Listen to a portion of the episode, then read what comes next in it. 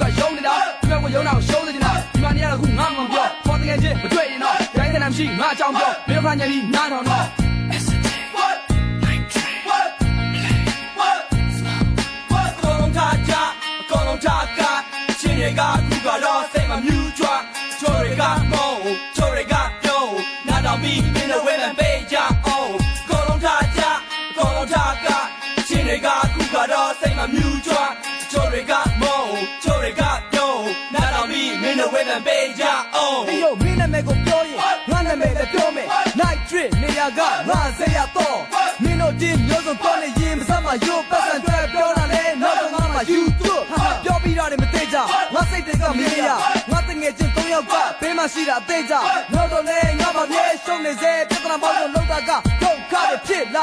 ခုတင်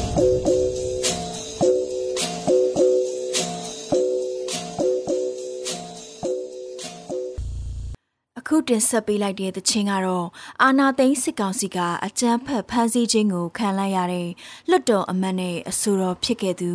ဦးဖြိုးစရာတော်ခေါ်ဇေယတော်အားဂုံပြူတဲ့အနေနဲ့တင်ဆက်ပေးလိုက်တာဖြစ်ပါတယ်။ တချင်းစာသားတွေကအတိုင်းလူတွေဟာငါအတွက်ငါဟာလူတွေအတွက်ဆိုတဲ့အတိုင်းအားလုံးအတူတကွညီညွတ်စွာ ကိုစရာတော်နဲ့အတူရှိနေပြီးစစ်အာဏာရှင်ကိုတိုက်ဖြတ်ဖို့စီးလုံးမှုအပြည့်နဲ့ပါဝင်ဖို့တိုက်တွန်းလိုက်ရပါတယ်ရှင်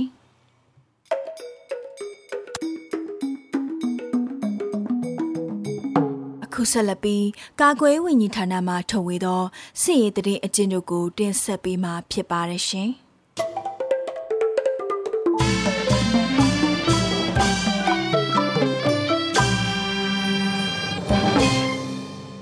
ကာကွယ်ဝင်ကြီးဌာနအမျိုးသားညီညွတ်ရေးအစိုးရမှထုတ်ဝေတဲ့နိုင်စဉ်စီရေးသတင်းချင်းချုပ်ကိုတင်ဆက်ပေးကြပါမယ်။ကျွန်တော်ຫນွေဦးလင်ပါ။ယနေ့ပြည်သူရင်ခွင်ခိုးလုံရန်ဆက်သွယ်လာတဲ့တပ်သား9ဦးနဲ့ရဲ2ဦးရှိပါတယ်ခင်ဗျာ။စစ်ကောင်စီနဲ့တိုက်ပွဲဖြစ်ပွားမှုသတင်းတွေကိုတင်ဆက်ပေးကြပါမယ်။ကရင်ပြည်မှာ နိုဝင်ဘာလ18ရက်နေ့နေ့လယ်12နာရီခန့်ကကီယနီပြည်ဒီမော့ဆိုမြို့နယ်9မိုင်နဲ့6မိုင်ကျေးရွာတလျှောက်မှာရိုက်ကော်မြို့မှာဒီမော့ဆိုမြို့ဖရူဆိုမြို့ဘောလခဲမြို့နယ်ဘက်သို့အင်အားဖြည့်တင်းရလာတဲ့စစ်ကား20စီးပါရင်းနှန်းကိုကီယနီတက်မတော် KE နဲ့ KNDF တို့မှတိုက်ခိုက်ခဲ့ရာစကားစတပ်သားတဦးတည်ဆုံးကအများပြားထိခိုက်ဒဏ်ရာရရှိခဲ့ကြောင်းသိရှိရပါတယ်ခင်ဗျာ။စကိုင်းတိုင်းမှာ နိုဝင်ဘာလ18ရက်နေ့နေ့လယ်3:15မိနစ်ခန့်ကတပရင်းမြို့နယ်အနောက်ဘက်ကလျက်ရှိတဲ့မဲသေးကျွာနဲ့ရွာတိရွာကြားမှာရောက်ရှိနေတဲ့စကားစတက်ရင်အား15ဦးခန့်ကိုပြည်သူ့ကာကွယ်ရေးအဖွဲ့တပရင်းမှာမိုင်းဆွဲတိုက်ခိုက်ခဲ့ပြီးစကားစတပ်သား3ဦးခန့်အပြင်းထန်ဒဏ်ရာရရှိခဲ့ကြောင်းသိရှိရပါတယ်ခင်ဗျာ။မကွေးတိုင်းမှာနိုဝင်ဘာလ19ရက်နေ့မနက်9:00ခွဲခန့်က တဂန်ဂေါမြို့မှတောင်ပိုင်းသို့ထွက်ခွာလာတဲ့ရဲတက်သားများစီးနင်းလာတဲ့အန်စာတုံးကားနှစ်စီးအနက်တစည်းကိုမိုင်းတိုင်း73နီးမှာပြည်သူ့ကာကွယ်တပ်ဂန်ဂေါမှမိုင်းဆွဲတိုက်ခိုက်ခဲ့ရာစကားစဘက်မှရဲတက်သား9ဦးသေဆုံးခဲ့ပြီးအများအပြားထိခိုက်ဒဏ်ရာရရှိခဲ့ကြောင်းသိရှိရပါတယ်ခင်ဗျာ။ နိုဝင်ဘာလ19ရက်နေ့မနက်10:23မိနစ်ခန့်ကစောမြို့နယ်ကျင်းလင်ရွာနဲ့တောမရွာကြားမှာစကားစတပ်များနဲ့ CDF ကမ်ပတ်လက် CDF မင်းတပ်အပါအဝင်နဲ့ပြည်သူ့ကာကွယ်တပ်ပေါင်းစုတို့ထိတွေ့တိုက်ပွဲများဖြစ်ပွားခဲ့ပါတယ်။စကားစတပ်များမှာလေကြောင်းပစ်ကူတိုက်ခိုက်ရေးရဟတ်ယာဉ်များပါအုံပြုတိုက်ခိုက်နေပြီး MI35 လေယာဉ်ဖြင့်လေကြောင်းပစ်ကူယူပြီးဒုံးကျည်ဖြင့်အ ਨੇ ဆုံးရှစ်ချက်ခန့်ပစ်ခတ်ခဲ့ပြီးဘုံကျဲတိုက်ခိုက်ခဲ့သည့်အပြင်ဆက်တပ်များဖြင့်ပါပစ်ခတ်တိုက်ခိုက်မှုများရှိခဲ့ကြောင်းသိရှိရပါတယ်ခင်ဗျာနိုဝင်ဘာလ18ရက်နေ့နေ့လယ်2နာရီခန့်ကရေစကြိုမြို့နယ်ရှိမူရဲကင်းစခန်းကိုပြည်သူ့ကာကွယ်တပ်ရေစကြိုနဲ့ Phoenix အထူးပြောက်ကြားတပ်ဖွဲ့ရေစကြိုညီနောင်မဟာမိတ်နှစ်ဖွဲ့ပူးပေါင်းပြီးတိုက်ခိုက်သိမ်းပိုက်ခဲ့ရာစခန်းသိမ်းတိုက်ပွဲအတွင်းမှာရဲတပ်သား2ဦးသေဆုံးခဲ့ကြောင်းသိရှိရပါတယ်ခင်ဗျာ။ စစ်ကောင်စီမှကျူးလွန်တဲ့ရာဇဝတ်မှုတွေကိုတင်ဆက်ပေးကြပါတယ်။ကရင်နီပြည်မှာနိုဝင်ဘာလ18ရက်နေ့ညနေ4နာရီခန့်ကကရင်နီပြည်ဒီမော့ဆိုမြို့နယ်ခေါကလိုက်တင်ကျွာရှိနေအိမ်သုံးလုံးကိုစကားစာတက်မှမိရှုဖျက်ဆီးခဲ့ကြောင်းသိရှိရပါတယ်ခင်ဗျာ။နိုဝင်ဘာလ18ရက်နေ့က KNY ပြည်ဒီမော့ဆိုမြို့နယ်9မိုင်နဲ့6မိုင်ကျေးရွာမှာလမ်းသွားလမ်းလာပြည်သူနှုတ်ကိုစကားစတက်မှာအကြောင်းမဲ့ပြစ်တက်သွားခဲ့ကြောင်းသိရှိရပါတယ်ခင်ဗျာ။ စကိုင်းတိုင်းမှာနိုဝင်ဘာလ19ရက်နေ့နေ့လယ်2နာရီခန့်ကစကားစားတက်နေလက်နက်အပြည့်စုံတပ်ဆင်ထားတဲ့ပြူစောထီစုစုပေါင်းအင်အား100ခန့်ဝက်လက်မြို့နယ်တေသောရွာသို့ရောက်ရှိပြီးစာတင်ကျောင်းတွင်တက်ဆွဲခဲ့ကရွာကိုမိရှုဖျက်ဆီးခဲ့ကြောင်းသိရှိရပါတယ်ခင်ဗျာ။ နိုဝင်ဘာလ19ရက်နေ့ကစကားစာတက်ရင်အား350ခန့်ကျွန်းလာမြို့နယ်မော်ဒုံကျွာမှာနေအိမ်9လုံးပေပင်ချောင်းကျွာမှာနေအိမ်9လုံးကိုဖျက်ဆီးခဲ့ပြီးဝီလမှုကျွာကိုလည်းမိရှုဖျက်ဆီးခဲ့ကြောင်းသိရှိရပါတယ်ခင်ဗျာ။မကွေးတိုင်းမှာ နိုဝင်ဘာလ18ရက်နေ့ကပခုတ်ကူမြို့နယ်အနောက်မကြီးကန်ကြီးရွာမှာစကားစခန့်အုပ်ချုပ်ရေးမှူးဦးအောင်ရွှေနဲ့အောင်သာကြီးရွာမှာစကားစခန့်အုပ်ချုပ်ရေးမှူးဦးကျော်မောင်တို့မှစစ်တပ်ကိုခေါ်ယူထားပြီး၎င်းတို့နဲ့အဆင်မပြေနေသူများရွာနေပြည်သူများကို PDF နှင့်ဆက်ဆက်သူများဟုအမည်တက်ခါအကြမ်းဖက်ဖမ်းဆီးနှိပ်စက်ခဲ့ကြောင်းသိရှိရပါတယ်ခင်ဗျာ။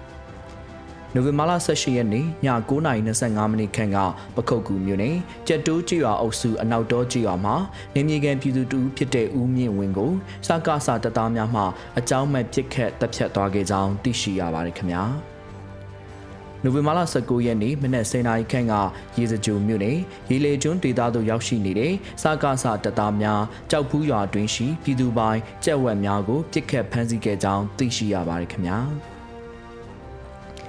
မန္တလေးတိုင်းမှာနိုဝင်ဘာလ19ရက်နေ့ကငဇုံမြို့နယ်ပန်းရွာနဲ့ထန်းလေးပင်ရွာကြားသူနက်စစ်ကျွာနဲ့နဘဲပင်ကျွာကြားမှာငဇုံမြို့မှရဲစခန်းမှာနေရင်းကောင်းဆောင်ဒူရဲအုပ်အောင်စောထက်နဲ့တပ်သားနှုတ်ဦးမှလမ်းသွားလမ်းလာဒေသခံများထံမှငွေကျပ်2သိန်း3သိန်းထိလက်နက်များဖြင့်ချင်းချောက်ငွေညှစ်တောင်းခံနေခဲ့ကြောင်းသိရှိရပါတယ်ခင်ဗျာ။ ယခုတင်ဆက်သွားတဲ့သတင်းတွေကိုမြေပြင်သတင်းတာဝန်ခံများနဲ့သတင်းဌာနတွေမှာဖော်ပြလာတဲ့အချက်လက်တွေပေါ်အခြေခံပြုစုထားခြင်းဖြစ်ပါတယ်။ကျွန်တော်ຫນွေဦးလင်ပါ။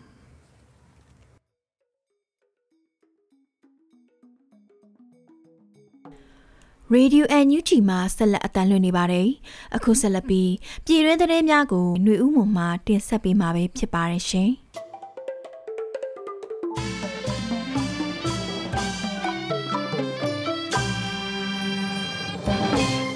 မင်္ဂလာနံနက်ခင်းပါရှင်။နိုဝင်ဘာလ19ရက်နေ့ကပြည်တွင်းသတင်းများကိုတင်ဆက်ပေးသွားမှာဖြစ်ပါတယ်။ပထမဆုံးတင်ဆက်ပေးမှာကတော့ပြည်သူခုခံတွန်းလှန်စစ်ပွဲအတွင်းဖမ်းဆီးရမိတဲ့စစ်သုံးမန်းများအခြေအနေထုတ်ပြန်ခြင်းပဲဖြစ်ပါတယ်။ပြည်သူခုခံတွန်းလှန်စစ်ပွဲအတွင်းဖမ်းဆီးရမိသောစစ်သုံးမန်းများရဲ့အခြေအနေနဲ့ဆက်လျင်းပြီးအမျိုးသားညီညွတ်ရေးအစိုးရကာကွယ်ရေးဝန်ကြီးဌာနမှ2021ခုနှစ်နိုဝင်ဘာ19ရက်နေ့ရက်စွဲနဲ့ထုတ်ပြန်လိုက်ပါတယ်။အဲ့ဒီထုတ်ပြန်ချက်ပါအချက်များမှာ1 ယနေ့မြန်မာနိုင်ငံတွင်ပြည်သူလူထု၏ထောက်ခံအားပေးပါဝင်မှုဖြင့်2021ခုနှစ်စက်တင်ဘာလ9ရက်မှစတင်၍ပြည်သူခုခံတွန်းလှန်စစ်ကိုတနိုင်ငံလုံးအတိုင်းအတာဖြင့်ဆင်နွှဲလျက်ရှိပါသည်။နှစ်မြို့သားညီညွတ်ရေးအစိုးရကာကွယ်ရေးဝန်ကြီးဌာနအနေဖြင့်ပြည်သူ့ကာကွယ်ရေးအဖွဲ့အစည်းများတုံမှန်းနှင့်စစ်ဖက်အကျဉ်းသားထိန်းသိမ်းရေးဆိုင်ရာလမ်းညွှန်ချက်ကိုလည်းထုတ်ပြန်ခဲ့ပြီးဖြစ်ပါသည်။၃2021ခုနှစ်နိုဝင်ဘာလ9ရက်နေ့က အမှတ်1စစ်ဒေသအတွင်းဖြစ်ပွားခဲ့သောခုခံတော်လှန်စစ်ပွဲအတွင်းဖမ်းဆီးရမိခဲ့သည့်စစ်သုံးမန်းများကို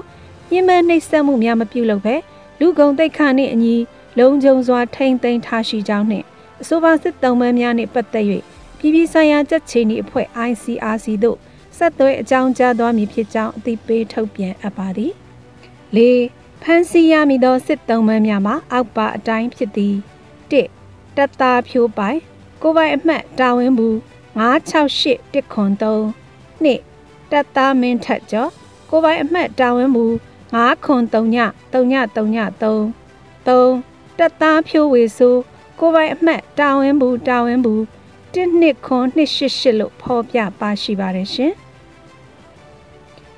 နောက်ထပ်သတင်းတစ်ပုဒ်ကတော့ကလေးမြို့နယ်ကလေးကံကောလမ်းမပေါ်မှာရှိတဲ့ချင်းဆိုင်ရွာကပြည်သူအိမ်များကို စစ်ကောင်စီကမီးရှို့ဖျက်ဆီးတဲ့သတင်းဖြစ်ပါတယ်။စကိုင်းတိုင်းကလေးမြို့နယ်ကလေးကံကောလမ်းမပေါ်မှာရှိတဲ့ချင်းဆိုင်ရွာကပြည်သူနေအိမ်တွေကိုစစ်ကောင်စီတပ်ကနိုဝင်ဘာလ18ရက်နေ့နေ့လယ်2နာရီခန့်မှာမီးရှို့ဖျက်ဆီးလိုက်ပြီးစုစုပေါင်းနေအိမ်ရှစ်လုံးခန့်မီးလောင်ပျက်စီးသွားတယ်လို့ဒေသခံပြည်သူတွေစီကနေသိရပါတယ်။နေ့လယ်2နာရီလောက်မှာရွာထိပ်မှာရှိတဲ့ကြက်ချံကိုအရင်မီးဆရှို့တာပြီးတော့လူနေအိမ်တွေကိုပါစပြီးရှို့တော့တာပဲအိမ်ရှစ်လုံးပါသွားတယ်နေကင်းကြောင်တောင်ကြီးကိုမီးလာရှို့တာလို့ ချင်းဆိုင်ရွာကဒေသခံတအူးကပြောပါတယ်။လွေမာမနဲ့အစောပိုင်းမှာစစ်ကောင်စီတပ်နဲ့ဒေသခံကာကွယ်ရေးတပ်ဖွဲ့တွေကြားထိတွေ့ပစ်ခတ်မှုတွေရှိခဲ့ပြီးစစ်ကောင်စီတပ်ကရွာတွေကိုတနက်ပစ်ဖောက်ဝင်ရောက်ကနေအိမ်တွေကိုစတင်မီးရှို့ခဲ့ကြောင်းဒေသခံတွေစီကနေသိရပါတယ်။မနက်ပိုင်းမှာတိုက်ပွဲဖြစ်ကြတယ်။ငိန်တော်တာနဲ့သူတို့ကရွာတွေဝင်လာပြီးတနက်တွေနဲ့ရန်တမ်းပစ်တော့တာပဲ။ထိခိုက်မှုတွေမရှိပေမဲ့ရွာသားတွေကရွာထဲမနေရတော့ဘူး။ထွက်ပြေးကြရတာပေါ့။ လူမနေတော့ဘူးဆိုတာနဲ့သူတို့ကမီးရှို့တော့တာပဲနေအိမ်အကောင်းတွေကြီးရွေးရှို့တာလို့ဒေတာကန်တဦးကပြောပါရယ်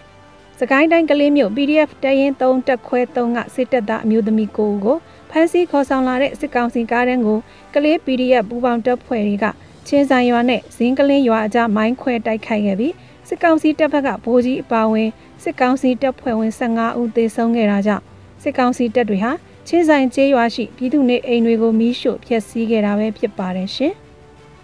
နောက်ထပ်တင်ဆက်ပေးမယ့်သတင်းကတော့တထုံခရိုင်ဘီလင်းမြို့နယ်အတွင်းမှာရှိတဲ့ KNU ထိန်းချုပ်နယ်မြေအတွင်းသို့အကြမ်းဖက်အာဏာသိမ်းစစ်တပ်နဲ့အတူလက်အောက်ခံ BGF ပူးပေါင်းတပ်ဖွဲ့များနယ်မြေကျူးကျော်တဲ့သတင်းဖြစ်ပါတယ်။တထုံခရိုင်ဘီလင်းမြို့နယ်အတွင်းရှိ KNU ထိန်းချုပ်နယ်မြေများအတွင်းသို့အကြမ်းဖက်အာဏာသိမ်းစစ်တပ်နဲ့အတူလက်အောက်ခံကရင် BGF ပူးပေါင်းတပ်ဖွဲ့များကနယ်မြေကျူးကျော်လှုပ်ရှားလျက်ရှိပါတယ်။စစ်ကောင်စီတပ်နဲ့လက်အောက်ခံ BGF ပူးပေါင်းတပ်ဖွဲ့များကို KNU တပ်များကလာရောက်ပစ်ခတ်မှုဖြစ်ပေါ်လာပါက ရက်သားချေရွာများအတွင်းသို့ပြစ်ခတ်မှဖြစ်ကြောင်း BGF ကောင်းဆောင်များကရွာလူကြီးတွေကိုခေါ်ပြီးချင်းချောက်ခဲ့ကြပါတယ်။အဲဒီလိုခေါ်ယူချင်းချောက်ပြောဆိုရမှာ BGF တပ်ဖွဲ့ဝင်များချေရွာများအနီးသို့ဖျက်သွားဖျက်လာပြုလုပ်လျင် KNU မှမပစ်ဖို့လိုကြောင်းအကဲ၍ပြစ်ခတ်လျင်၎င်းတို့ကအရက်သားနေအိမ်ချေရွာအတွင်းသို့သာပြန်လည်ပြစ်ခတ်မိဖြစ်ကြောင်းဒါအပြင်ဒေသခံများအနေနဲ့လည်းမိမိတို့စစ်ကောင်စီလက်အောက်ခံ BGF စစ်ကြောင်းနဲ့လမ်းမှာဆုံလျင်မပြေးရန်နဲ့ခေါ်ရင်လာရန် ထို့သောမဟုတ်ပဲပြေးပါကပြစ်ခတ်မှဖြစ်ကြောင်းပါဝင်ပါတယ်။အာနာသိန်းစစ်ကောင်စီလက်အောက်ခံ BGF 139တရင်မှဗိုလ်တင်ဝင်းနဲ့ဗိုလ်ချိန်လုံးတို့ဦးဆောင်သောအင်အား150ကျော်အဖွဲ့ဟာနိုဝင်ဘာ16ရက်နေ့မှာ 4K BGF စခန်းသို့အင်အားဖြည့်တင်ရန်ရောက်ရှိလာစဉ်ထို့သို့ပြောဆိုခဲ့ခြင်းဖြစ်တယ်လို့နိုဝင်ဘာ18ရက်နေ့သတင်းထုတ်ပြန်ချက်မှာ KNU ကဖော်ပြထားပါတယ်။ KNU တထုံခရိုင်ဘီလင်းမြို့နယ်အတွင်းရှိဝင်းတာပန်ကျင်းနယ်အုပ်စု မြစ်ကျိုးကျေးနယ်နဲ့မင်းစောကျေးနယ်အုပ်စုရှိကျေးရွာပေါင်း17ရွာမှဒေသခံရက်မိရက်ဖ42ယောက်ကိုနိုဝင်ဘာ18ရက်မှာ BGF ကအခုလိုခေါ်ယူသတိပေးခဲ့ခြင်းပဲဖြစ်ပါတယ်ရှင်။နောက်ဆုံးတင်ဆက်ပေးမယ့်သတင်းကတော့ရှမ်းပြည်တောင်ပိုင်းစီဆိုင်မြို့နယ်အတွင်း COVID-19 ကူးစက်မှုနှုန်းများပြားတဲ့အတွက်စီမီလော့ဒေါင်းတစ်ပတ်ထပ်မံတိုးမြင့်လိုက်တယ်လို့ဒေသခံတွေကပြောပါတယ်။စီဆိုင်မြို့နယ်အတွင်းနိုဝင်ဘာ16မှ22ရက်အထိ မိုးလွဲ2နာရီကနေနောက်နေ့နနက်4နာရီအထိစီမီလော့ဒေါင်းပြုလုပ်ထားကြောင်းသိရှိရပါတယ်။ COVID-19 ကူးစက်မှုများတာကိုအကြောင်းပြပြီးဒီလိုလော့ဒေါင်းခဏခဏလုပ်တာသူတို့ဘက်ကတခုခုစိုးရိမ်နေကြတယ်လို့ပဲကူးတာကကူးနေတာပဲလော့ဒေါင်းလုပ်ချင်းမလုပ်ချင်းနဲ့မဆိုင်ဘူးအကုန်လုံးကသွားလာနေကြတာပဲဘာလို့လဲဆိုတော့စီဆိုင်ကဖဲခုံမျိုးနဲ့ကြားပြည်နယ်တွေနဲ့ထိစပ်နေတော့တိုက်ပွဲတွေပွားလာမှာကိုစိုးရိမ်နေလို့ထင်တယ်ဒါမှမဟုတ်စစ်ရှောင်းတွေကျွန်တော်တို့ဘက်ရောက်လာမှာကိုစိုးရိမ်နေတာလည်းဖြစ်နိုင်တာပဲလို့ စီဆိုင်ဒေသခံတဦးကပြောပါတယ်။ဖဲခုံမြို့နယ်ဟာစစ်ကောင်စီနဲ့ PDF တို့နေစဉ်နဲ့အမျှတိုက်ပွဲဖြစ်ပွားပြီးစစ်ရှောင်းတွေလည်းရှိနေပါတယ်။ခုလိုထပ်မံပြီးစီမီကလော့ဒေါင်းပြုလုပ်ခြင်းဟာဒေသခံများအတွက်စားဝတ်နေရေးအခက်အခဲများစွာကြုံတွေ့နိုင်ကြောင်းသိရှိရပါတယ်။ကျွန်တော်တို့စားဝတ်နေရေးအခက်အခဲတွေကြုံတွေ့နေရတယ်မနက်9နာရီကနေညနေ2နာရီထိပဲဆိုင်တွေရောင်းခွင့်ရှိတော့ညပိုင်းဈေးသည်တွေအတွက်ကအခက်အခဲဖြစ်တယ်ဥပမာအကင်းဆိုင်ဆိုညမှရောင်းရတော့အခုမရောင်းရတော့ဘူးလို့ စီဆိုင်မြို့မှာဈေးရောင်းနေတဲ့ဈေးသည်အမျိုးသားတဦးကပြောပါတယ်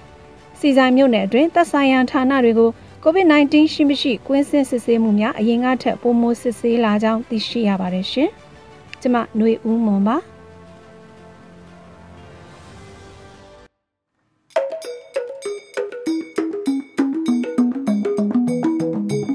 Radio NUG မှာဆက်လက်အသံလွှင့်နေပါတယ်။ အခုဆက်လက်ပြီးပြည်သူတိုက်ပွဲသတင်းများကိုမင်းနိုင်ຫນွေဦးမှတင်ဆက်ပေးမှာဖြစ်ပါတယ်ရှင်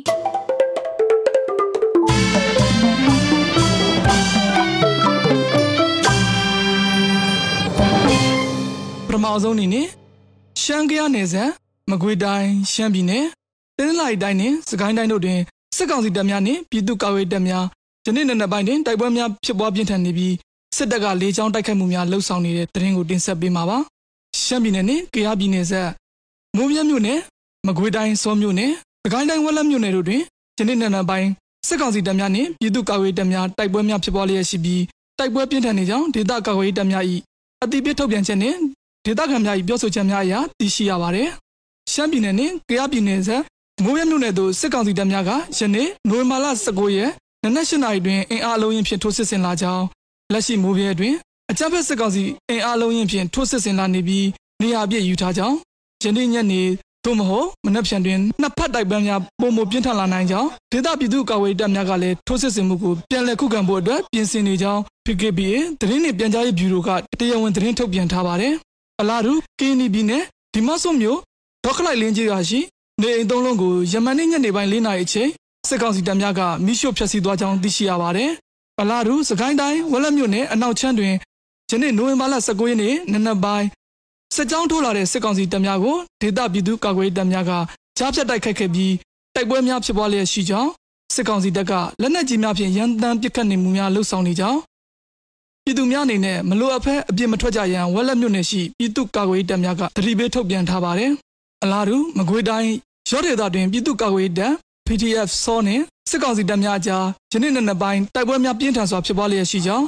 စောမြို့နယ်ကြိမ်ချောင်းရွာနှင့်တောမရွာပတ်ဝန်းကျင်တွင် YDF PDF စော CDF မင်းတပ် CDF ခံပလက်တို့ပူးပေါင်းပြီးအကြမ်းဖက်စစ်ကောင်စီတပ်များကိုတိုက်ခတ်လျက်ရှိကြောင်းစောကန်ကြီးလမ်းပေါ်တွင်ပြည်သူများတောလာခြင်းမပြုကြရန်တိုက်တွန်းထားကြောင်းသိရှိရပါတယ်။လက်ရှိနောက်ဆုံးသတင်းချက်လက်များအရရောဒေတာတွင်စစ်တပ်ကလေကြောင်းတိုက်ခိုက်မှုများလှုပ်ဆောင်နေကြောင်းသိရှိရပါတယ်။အလားတူစကိုင်းတိုင်းကျွန်းလာမြို့နယ်တဖန်စိတ်ဆဲအနောက်ဘက်ခြမ်းတွင်နိုဝင်ဘာလ19ရက် စစ်ကောင်စီတပ်များကဝေလမှုကြီးရွာကိုဝင်ရောက်မွေနှောက်ပြီးမိရှို့နေကြောင်းယမန်နေ့ကလည်းမော်တုံကြီးရွာမှာအင်ငါးလုံးခန့်ပေပင်ချောင်ကြီးရွာမှာအင်ငါးလုံးခန့်ဖျက်ဆီးသွားကြောင်းစစ်အင်အား350ခန့်ဖြင့်ကျွန်းလာမြို့နယ်ဆယ်အနောက်ဘက်ခြမ်းဒေသရနမော်ဝင်းကျင်ကမော်တုံမော်ကဲပေပင်ချောင်တက်ခဲ့ခြင်းဝေလမှုကြီးရွာဝင်းကျင်များတွင်တက်ဆွဲထားပြီးပြည်သူများကိုဖမ်းဆီးညှဉ်းပန်းနှိပ်စက်တပ်ဖြတ်လျက်ရှိကြောင်းတပ်များမှခါမရ363 36ခွန်36ကိုတက်မြဖြစ်ကြောင်းသိရှိရပါတယ်။စကိုင်းတိုင်းဒဇယ်မြို့နယ်ဂရုမရဲစခန်းကြီးတွင်ယနေ့နေ့နဲ့2နာရီ50မိနစ်အချိန်တွင်ပောက်ကွဲမှုနှစ်ကြိမ်ကြားရပြီးစကန်တွင်မှတနက်တန်များအဆက်မပြတ်ဖောက်ခဲ့ကြောင်းစစ်ကောင်စီအင်အား80ခန်းက34မိုင်နီရောက်ရှိလာပြီးအနီးနားကျွော်များဖြစ်သောစိန်ကြီးကူပကာခေါင်ရကျွော်များမှဒေသခံများတိတ်ဆောင်နေရကြောင်းဂရုမကလေးဝလမ်းပေါ်မြစ်တိကားများဖြတ်တန်းသွားလာခြင်းမပြုကြရန်ဒေသကာကွယ်ရေးတပ်များကသတင်းထုတ်ပြန်တတိပေးထားပါတယ်။ အလားတူစကိုင်းတိုင်းကလေးမြို့နယ်အတွင်းစီးရဲတင်းမာနေသဖြင့်အချိန်မရွေးတိုက်ပွဲဖြစ်လာနိုင်ပြီးကလေးကံကောလိုင်းပိုင်းတွင်စစ်ကောင်စီတပ်များအုံပြုနေသည့်အတွက်ယနေ့မှစတွင်တပတ်တိတိပြည်သူများအုံပြုခြင်းမပြုရန်ကလေး PDF ကယနေ့ရက်စွဲဖြင့်ထုတ်ပြန်တတိပေးထားပါတယ်။အလားတူတင်းလိုက်တိုင်းဒဝဲခရိုင်ရေပြူမြို့နယ်ကံပေါက်ဒေသကဖားချောင်းကျေးရွာတွင်နိုဝင်ဘာလ18ရက်ညကစစ်ကောင်စီသတင်းပေးတလန်ဟုနာမည်ကြီးသူဦးကျော်ဦးကို အမည်မသိအဖွဲ့တစ်ဖွဲ့ကလာရောက်ပစ်တက်ခဲ့ပြီးရင်းပြတပ်မှုကိုလာရောက်စစ်ဆေးသည့်စစ်ကောင်စီတပ်များလမ်းတွင်မိုင်းဆွဲတိုက်ခတ်ခံရပြီးနှစ်ဖက်အပြန်အလှန်ပစ်ခတ်မှုများဖြစ်ပေါ်လျက်ရှိကြောင်းသိရပါတယ်။ရှမ်းပြည်နယ်မြောက်ပိုင်းမုံကိုမြို့ဖော်ချုံကျွော်အထက်တွင်ကိုကန်တက် MNDAA နှင့်စစ်ကောင်စီတို့ယနေ့နေ့နဲ့17နာရီခန့်တွင်စတင်တိုက်ပွဲဖြစ်ကတိုက်ပွဲပြင်းထန်နေကြောင်းသိရှိရပါတယ်။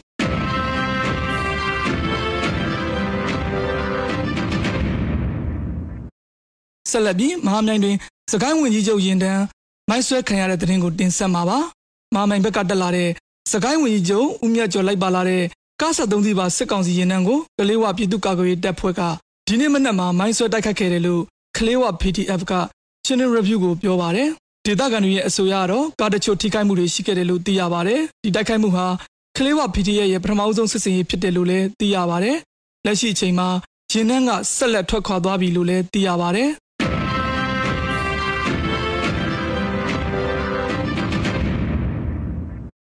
ဆက်လက်ပြီးမြောက်ရမပြည်သူ့ကာကွယ်ရေးတပ်ဖွဲ့ကစကားဆရှိပြီးအဖွဲ့ကိုမိုင်းဆွဲတိုက်ခိုက်ကစစ်ကောင်စီ၃ဦးတေဆုံးတဲ့တဲ့ရင်ကိုတင်ဆက်ပေးမှာပါ။ဒီနေ့နေ့ပိုင်းမှာကြောက်စိမ့်နေသေးလာတဲ့စစ်ကောင်စီရင်နှန်းရှိပြီးအဖွဲ့ကိုမြောက်ရမမိုင်းရှင်းလေးအဖွဲ့ကရင်းမြစ်ပွဲအဝင်မှာမိုင်းဆွဲတိုက်ခိုက်ခဲ့လို့စကားဆ၃ဦးတေက၅ဦးတန်ရရှိတယ်လို့သူတို့ရဲ့စာမျက်နှာမှာထုတ်ပြန်ထားပါတယ်။လက်ရှိအချိန်မှာစစ်ကောင်စီတပ်သားတွေဟာရွာသားရထဲမှာမဲမဲမြင်ရလိုက်ပြနေပြီးပြည်သူတအုပ်လည်းထိမှန်ထားပါတယ်။ စစ်ကောင်စီတပ်ဖွဲ့ဝင်တွေဟာချင်းနှမြစ်အထက်ပိုင်းကကြောက်စိမ့်တွေကိုမြေလန်းနဲ့ရောရေလန်းနဲ့ကပါအဆောင်အရှောက်အပြည့်နဲ့တည်ယူနေပါတယ်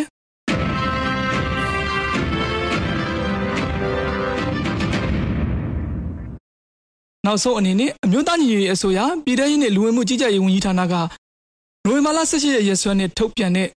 ပြည်သူ့ခုခံတော်လှန်စစ်တရင်အချက်လက်တွေကိုတင်ဆက်ပေးသွားမှာပါ။အာဏာသိမ်းအကြမ်းဖက်စစ်အုပ်စု၏ပြည်သူလူထုအပေါ်အကြမ်းဖက်ဖိနှိပ်ဖမ်းဆီး တိုက်ခိုက်တပ်ဖြတ်နေမှုများကိုပြည်သူလူထုတရက်လုံးကအသက်ရှင်သန်ရေးအတွက်မိမိကိုယ်ကိုမိမိခုခံကာကွယ်ပိုင်ခွင့်အရာပြည်သူ့ခုခံစစ် People Defense War ကိုဆင်နွှဲလျက်ရှိပါတယ်။တရင်အချက်လက်များအရ19ရက်17လ2021ရက်နေ့တွင်စစ်ကောင်စီတပ်ဖွဲ့ဝင်60ဦးသေဆုံးပြီးထိခိုက်ဒဏ်ရာရရှိသူ9ဦးအထိခုခံတိုက်ခိုက်နိုင်ခဲ့ပါတယ်။ဆီအာနာရှင်စနစ်မြမမြေပေါ်မှာအပြစ်ဒဏ်ချုပ်ငြိမ်းရေးနှင့် Federal Democracy တည်ဆောက်ရေးအတွက်ငြိမ်းချမ်းစွာဆန္ဒပြသည့် လူလူတပိတ်တိုက်ပွဲများကပြည်내နှင့်တိုင်းဒေသကြီးများမှာဖြစ်ပွားပေါ်ပေါက်လျက်ရှိပါတယ်။မြေပြင်မှာယခုတွေ့ရှိနေရတဲ့သတင်းအချက်အလက်များတဲ့ပုံမဖြစ်ပွားနိုင်ပါတယ်ခင်ဗျာ။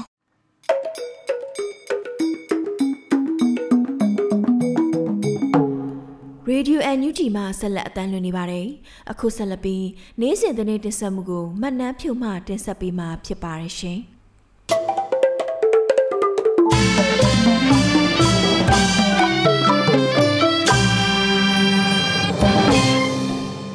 အခုပထမဆုံးအနေနဲ့အကြံဖတ်စစ်တပ်ကကျူးလွန်နေတဲ့လိုက်ပိုင်းဆိုင်ရာအကြံဖတ်မှုတွေအတွက်အပြည်ပြည်ဆိုင်ရာရဆိုးခေါ်ရုပ်ကိုအမှုလွယ်ပြောင်းစီရင်နိုင်ရေးဆောင်ရွက်နေတဲ့တဲ့တင်ကိုတင်ဆက်ပေးခြင်းပါတယ်။အကြံဖတ်စစ်ကောင်စီရဲ့စစ်တပ်ကပြည်သူ့ကာကွယ်ရေးတပ်ဖွဲ့တိုင်းသားလက်နက်ကိုင်ဖွဲ့စည်းတွေနဲ့ထိုက်ပွဲဖြစ်ပွားနေတဲ့ဒေသတွေမှာအမျိုးသမီးတွေကိုလိုက်ပိုင်းဆိုင်ရာအကြက်ဖတ်မှုများပြုလုပ်နေပြီးတော့အဲ့ဒီလိုကျူးလွန်တွေမှုတွေအတွက် အပြင်းပြီးဆိုင်ရာရဆိုးခေါ်ရုပ်ကိုအမှုလွယ်ပြောင်းစီနိုင်ရေးလှုပ်ဆောင်နေပြီးဖြစ်တယ်လို့အမျိုးသားညီညွတ်ရေးအစိုးရကတည်င်းထုတ်ပြန်လိုက်ပါတယ်။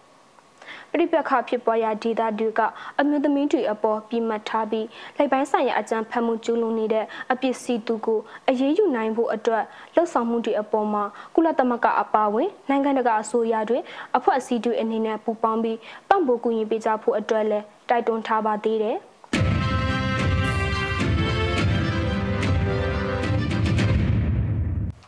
မျိုးသားညီညွတ်ရေးအစိုးရကာကွယ်ရေးဝန်ကြီးဌာနပြည်ထောင်စုဝန်ကြီးဦးဟီမူကတော်လန်ရေးကိုနှစ်ဆတိုးလောက်ကြမယ်လို့တစ္ဆာပြုပြောလိုက်တဲ့သတင်းကိုတင်ဆက်ပေးချင်ပါတယ်။အမျိုးသားညီညွတ်ရေးအစိုးရကာကွယ်ရေးဝန်ကြီးဌာနပြည်ထောင်စုဝန်ကြီးဦးဟီမွန်ကတော့တော်လန်ရေးကိုနှစ်ဆတိုးလောက်ကန်ကြဖို့နဲ့နှစ်ဆတိုးရရင်ကြမယ်ဆိုပြီးတစ္ဆာပြုပြောကြားလိုက်ပါတယ်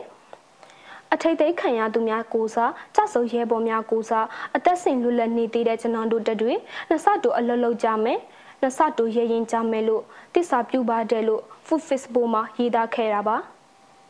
ပြီးခဲ့တဲ့ရက်ပိုင်းတွေကရန်ကုန်မြို့အတွင်းတော်လန်ရေးလှုပ်ဆောင်နေတဲ့ပြန်လွှားအောင်စစ်စင်ရေးကလူငယ်တွေအပါအဝင်ကလေးမျိုးက PDF တွေကြဆုပ်အဖမ်းခံရတဲ့ဖြစ်စဉ်တွေနောက်ဆက်တွဲအဖြစ်တော်လန်ရေးလူငယ်တွေကိုစိတ်ဓာတ်မြင့်တင်တဲ့အနေနဲ့ရေးသားခဲ့တာဖြစ်ပါတယ်။ စစ်မြေပြင်မှာအသက်ပေးသွားတဲ့ရဲဘော်တွေရှိတဲ့ခြေလက်အင်ကာဆွလွန်သွားတဲ့ရဲဘော်တွေရှိတဲ့မြို့ပြရဲ့အနေရတွေကြားမှာသူမတူတဲ့သူရတတိနဲ့ရုပ်ကန်လှုပ်ရှားရင်းဖန်စီထိတ်သိမ်းခံရတဲ့ရဲဘော်တွေညှိပတ်နှိပ်စက်တပ်ဖြန်းခံရတဲ့ရဲဘော်တွေရှိတဲ့တယောက်အထိတ်သိမ်းခံရတိုင်းတယောက်ကြဆုပ်တိုင်းကျွန်တော်တို့ကြေကွဲကြရတယ်ဝမ်းနဲ့မစိုးဖြစ်ကြရတယ် တို့တော့ဒီတော်လန်ရေးကစုံအောင်သွားရမယ်ခရီးပါအစိုးထိသွားဖို့ဆုတ်ပြတ်ချတဲ့ရဲဘော်တွေမိသူတွေတိတ်တန်းချီရှိနေတယ်လို့ယုတ်တယ်ဒီတခါတန်တိတ်ထန်ကတိတ်ချတဲ့ဆိုပြီးရေးထားပါသေးတယ်နိုဝင်ဘာ16ရက်တရက်တည်းကိုနိုင်ငံတော်ဝန်ကတော်လှန်ရေးလှုပ်ဆောင်နေတဲ့သူတွေတဲက25ဦးဖမ်းဆီးခံထားရပြီး6ဦးသေဆုံးမှုရှိတဲ့ဆိုပြီးတော့လဲတည်င်းဌာနတွေကရေးသားထားတာတွေလည်းတွေ့ရပါတယ်။ ရန်ကုန်တိုင်းရဲ့တော်လန်ရီလုပ်ငန်းစိန်တွေမှာတာဝန်ရှိသူလို့အကြံဖတ်စစ်ကောင်စီကဆွဆွဲထားတဲ့ကိုဖြိုးစရာတော်လဲဖန်ဆီးခံခဲ့ရတာဖြစ်ပါတယ်။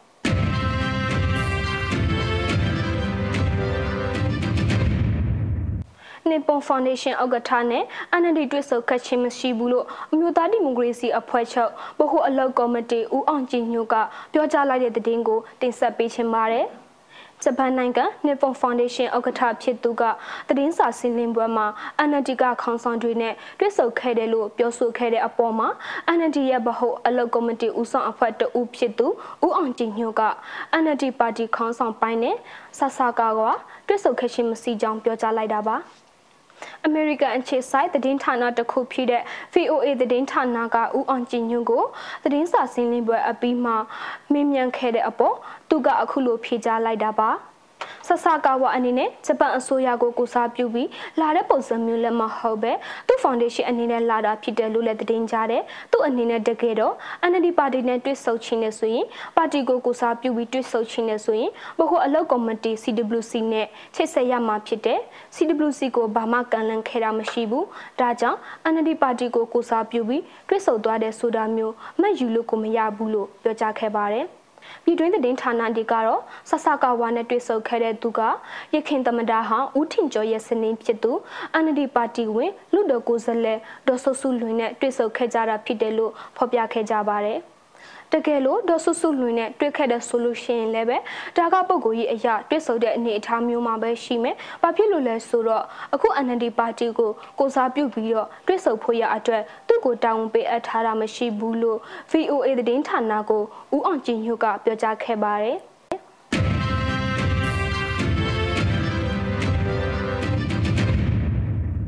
စစ်ကောင်စီရန်တရားလက်ပတ်စီတဲ့ကိစ္စရက်တွင်အပေးဆောင်ရွက်တာနဲ့ချီမြင့်ဝင်နလာစအဓမ္မတောင်းခံတာတွေပြုလုပ်နေတဲ့ဝန်ထမ်းဆိုးတွေကိုတတိပေးတဲ့ကြီးညာချက်တရက်ထုတ်ပြန်လိုက်တဲ့သတင်းကိုဆက်လက်တင်ဆက်ပေးချင်ပါတယ်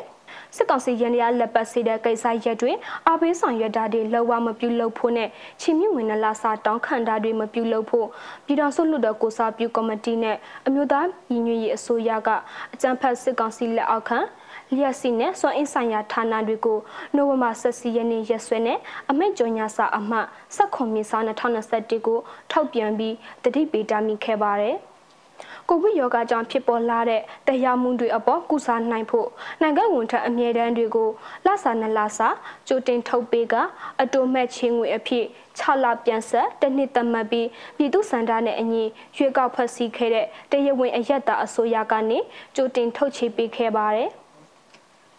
COVID-19 ရောဂါဟာဆက်လက်ဖြစ်ပွားနေတဲ့အပြင်အာဏာသိမ်းစစ်အုပ်စုကနိုင်ငံတော်အာဏာကိုမတရားသဖြင့်အာဓမ္မတိတ်ပိုင်ရယူထားတဲ့ကာလဖြစ်တဲ့အတွက်နိုင်ငံဝန်ထမ်းတွေရဲ့တက်တာချောင်ချီရေအားစစ်ရှူလျက်ထိုချင်းငွေအားပြန်လက်ပေးဆက်ဖို့မလိုအပ်တဲ့ချင်းမြင့်ငွေအဖြစ်သတ်မှတ်တယ်လို့ပြည်တော်စုလွှတ်တော်ကိုစားပြုကော်မတီကထုတ်ပြန်ကြေညာထားတာပါလား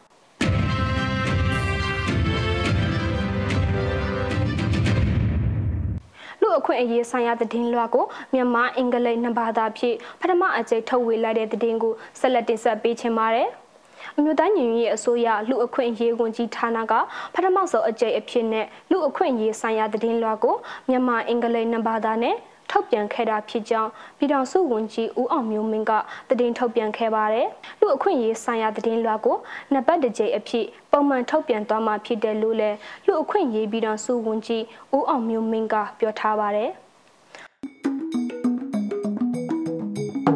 ဒီကနေ့ကတော့ဒီညနေပဲ Radio NUG ရဲ့အစီအစဉ်တွေကိုခਿੱတရနာလိုက်ပါမယ်။မြမစံတော်ချိန်မနက်၈နာရီနဲ့ညနေ၈နာရီအချိန်တွေမှာပြန်လည်ဆုံတွေ့ကြပါစို့။ Radio NUG ကိုမနက်၈နာရီမှလိုင်းတို16မီတာ7.1 MHz ညပိုင်း၈နာရီမှလိုင်းတို25မီတာ17.665 MHz တို့မှာဓာတ်ရိုက်ဖမ်းယူနားဆင်နိုင်ပါပြီ။မြန်မာနိုင်ငံသူနိုင်ငံသားများကိုစိတ်နှပြကျန်းမာချမ်းသာလို့ဘေးကင်းလုံခြုံကြပါစေလို့ Radio NUG အဖွဲ့သူအဖွဲ့သားများကဆုတောင်းလိုက်ရပါတယ်။အမျိုးသားညီညွတ်ရေးအစိုးရရဲ့စက်သွယ်ရေး တရင်အချက်အလက်နဲ့ဤပညာဝန်ကြီးဌာနကထုတ်လွှင့်နေတဲ့ Radio NUG ဖြစ်ပါတယ်။ San Francisco Bay Area အခြေစိုက်မြန်မာမိသားစုများနဲ့နိုင်ငံတကာကစေတနာရှင်များလှူအားပေးများရဲ့ Radio NUG ဖြစ်ပါတယ်။အရေးတော်ပုံအောင်ရမည်။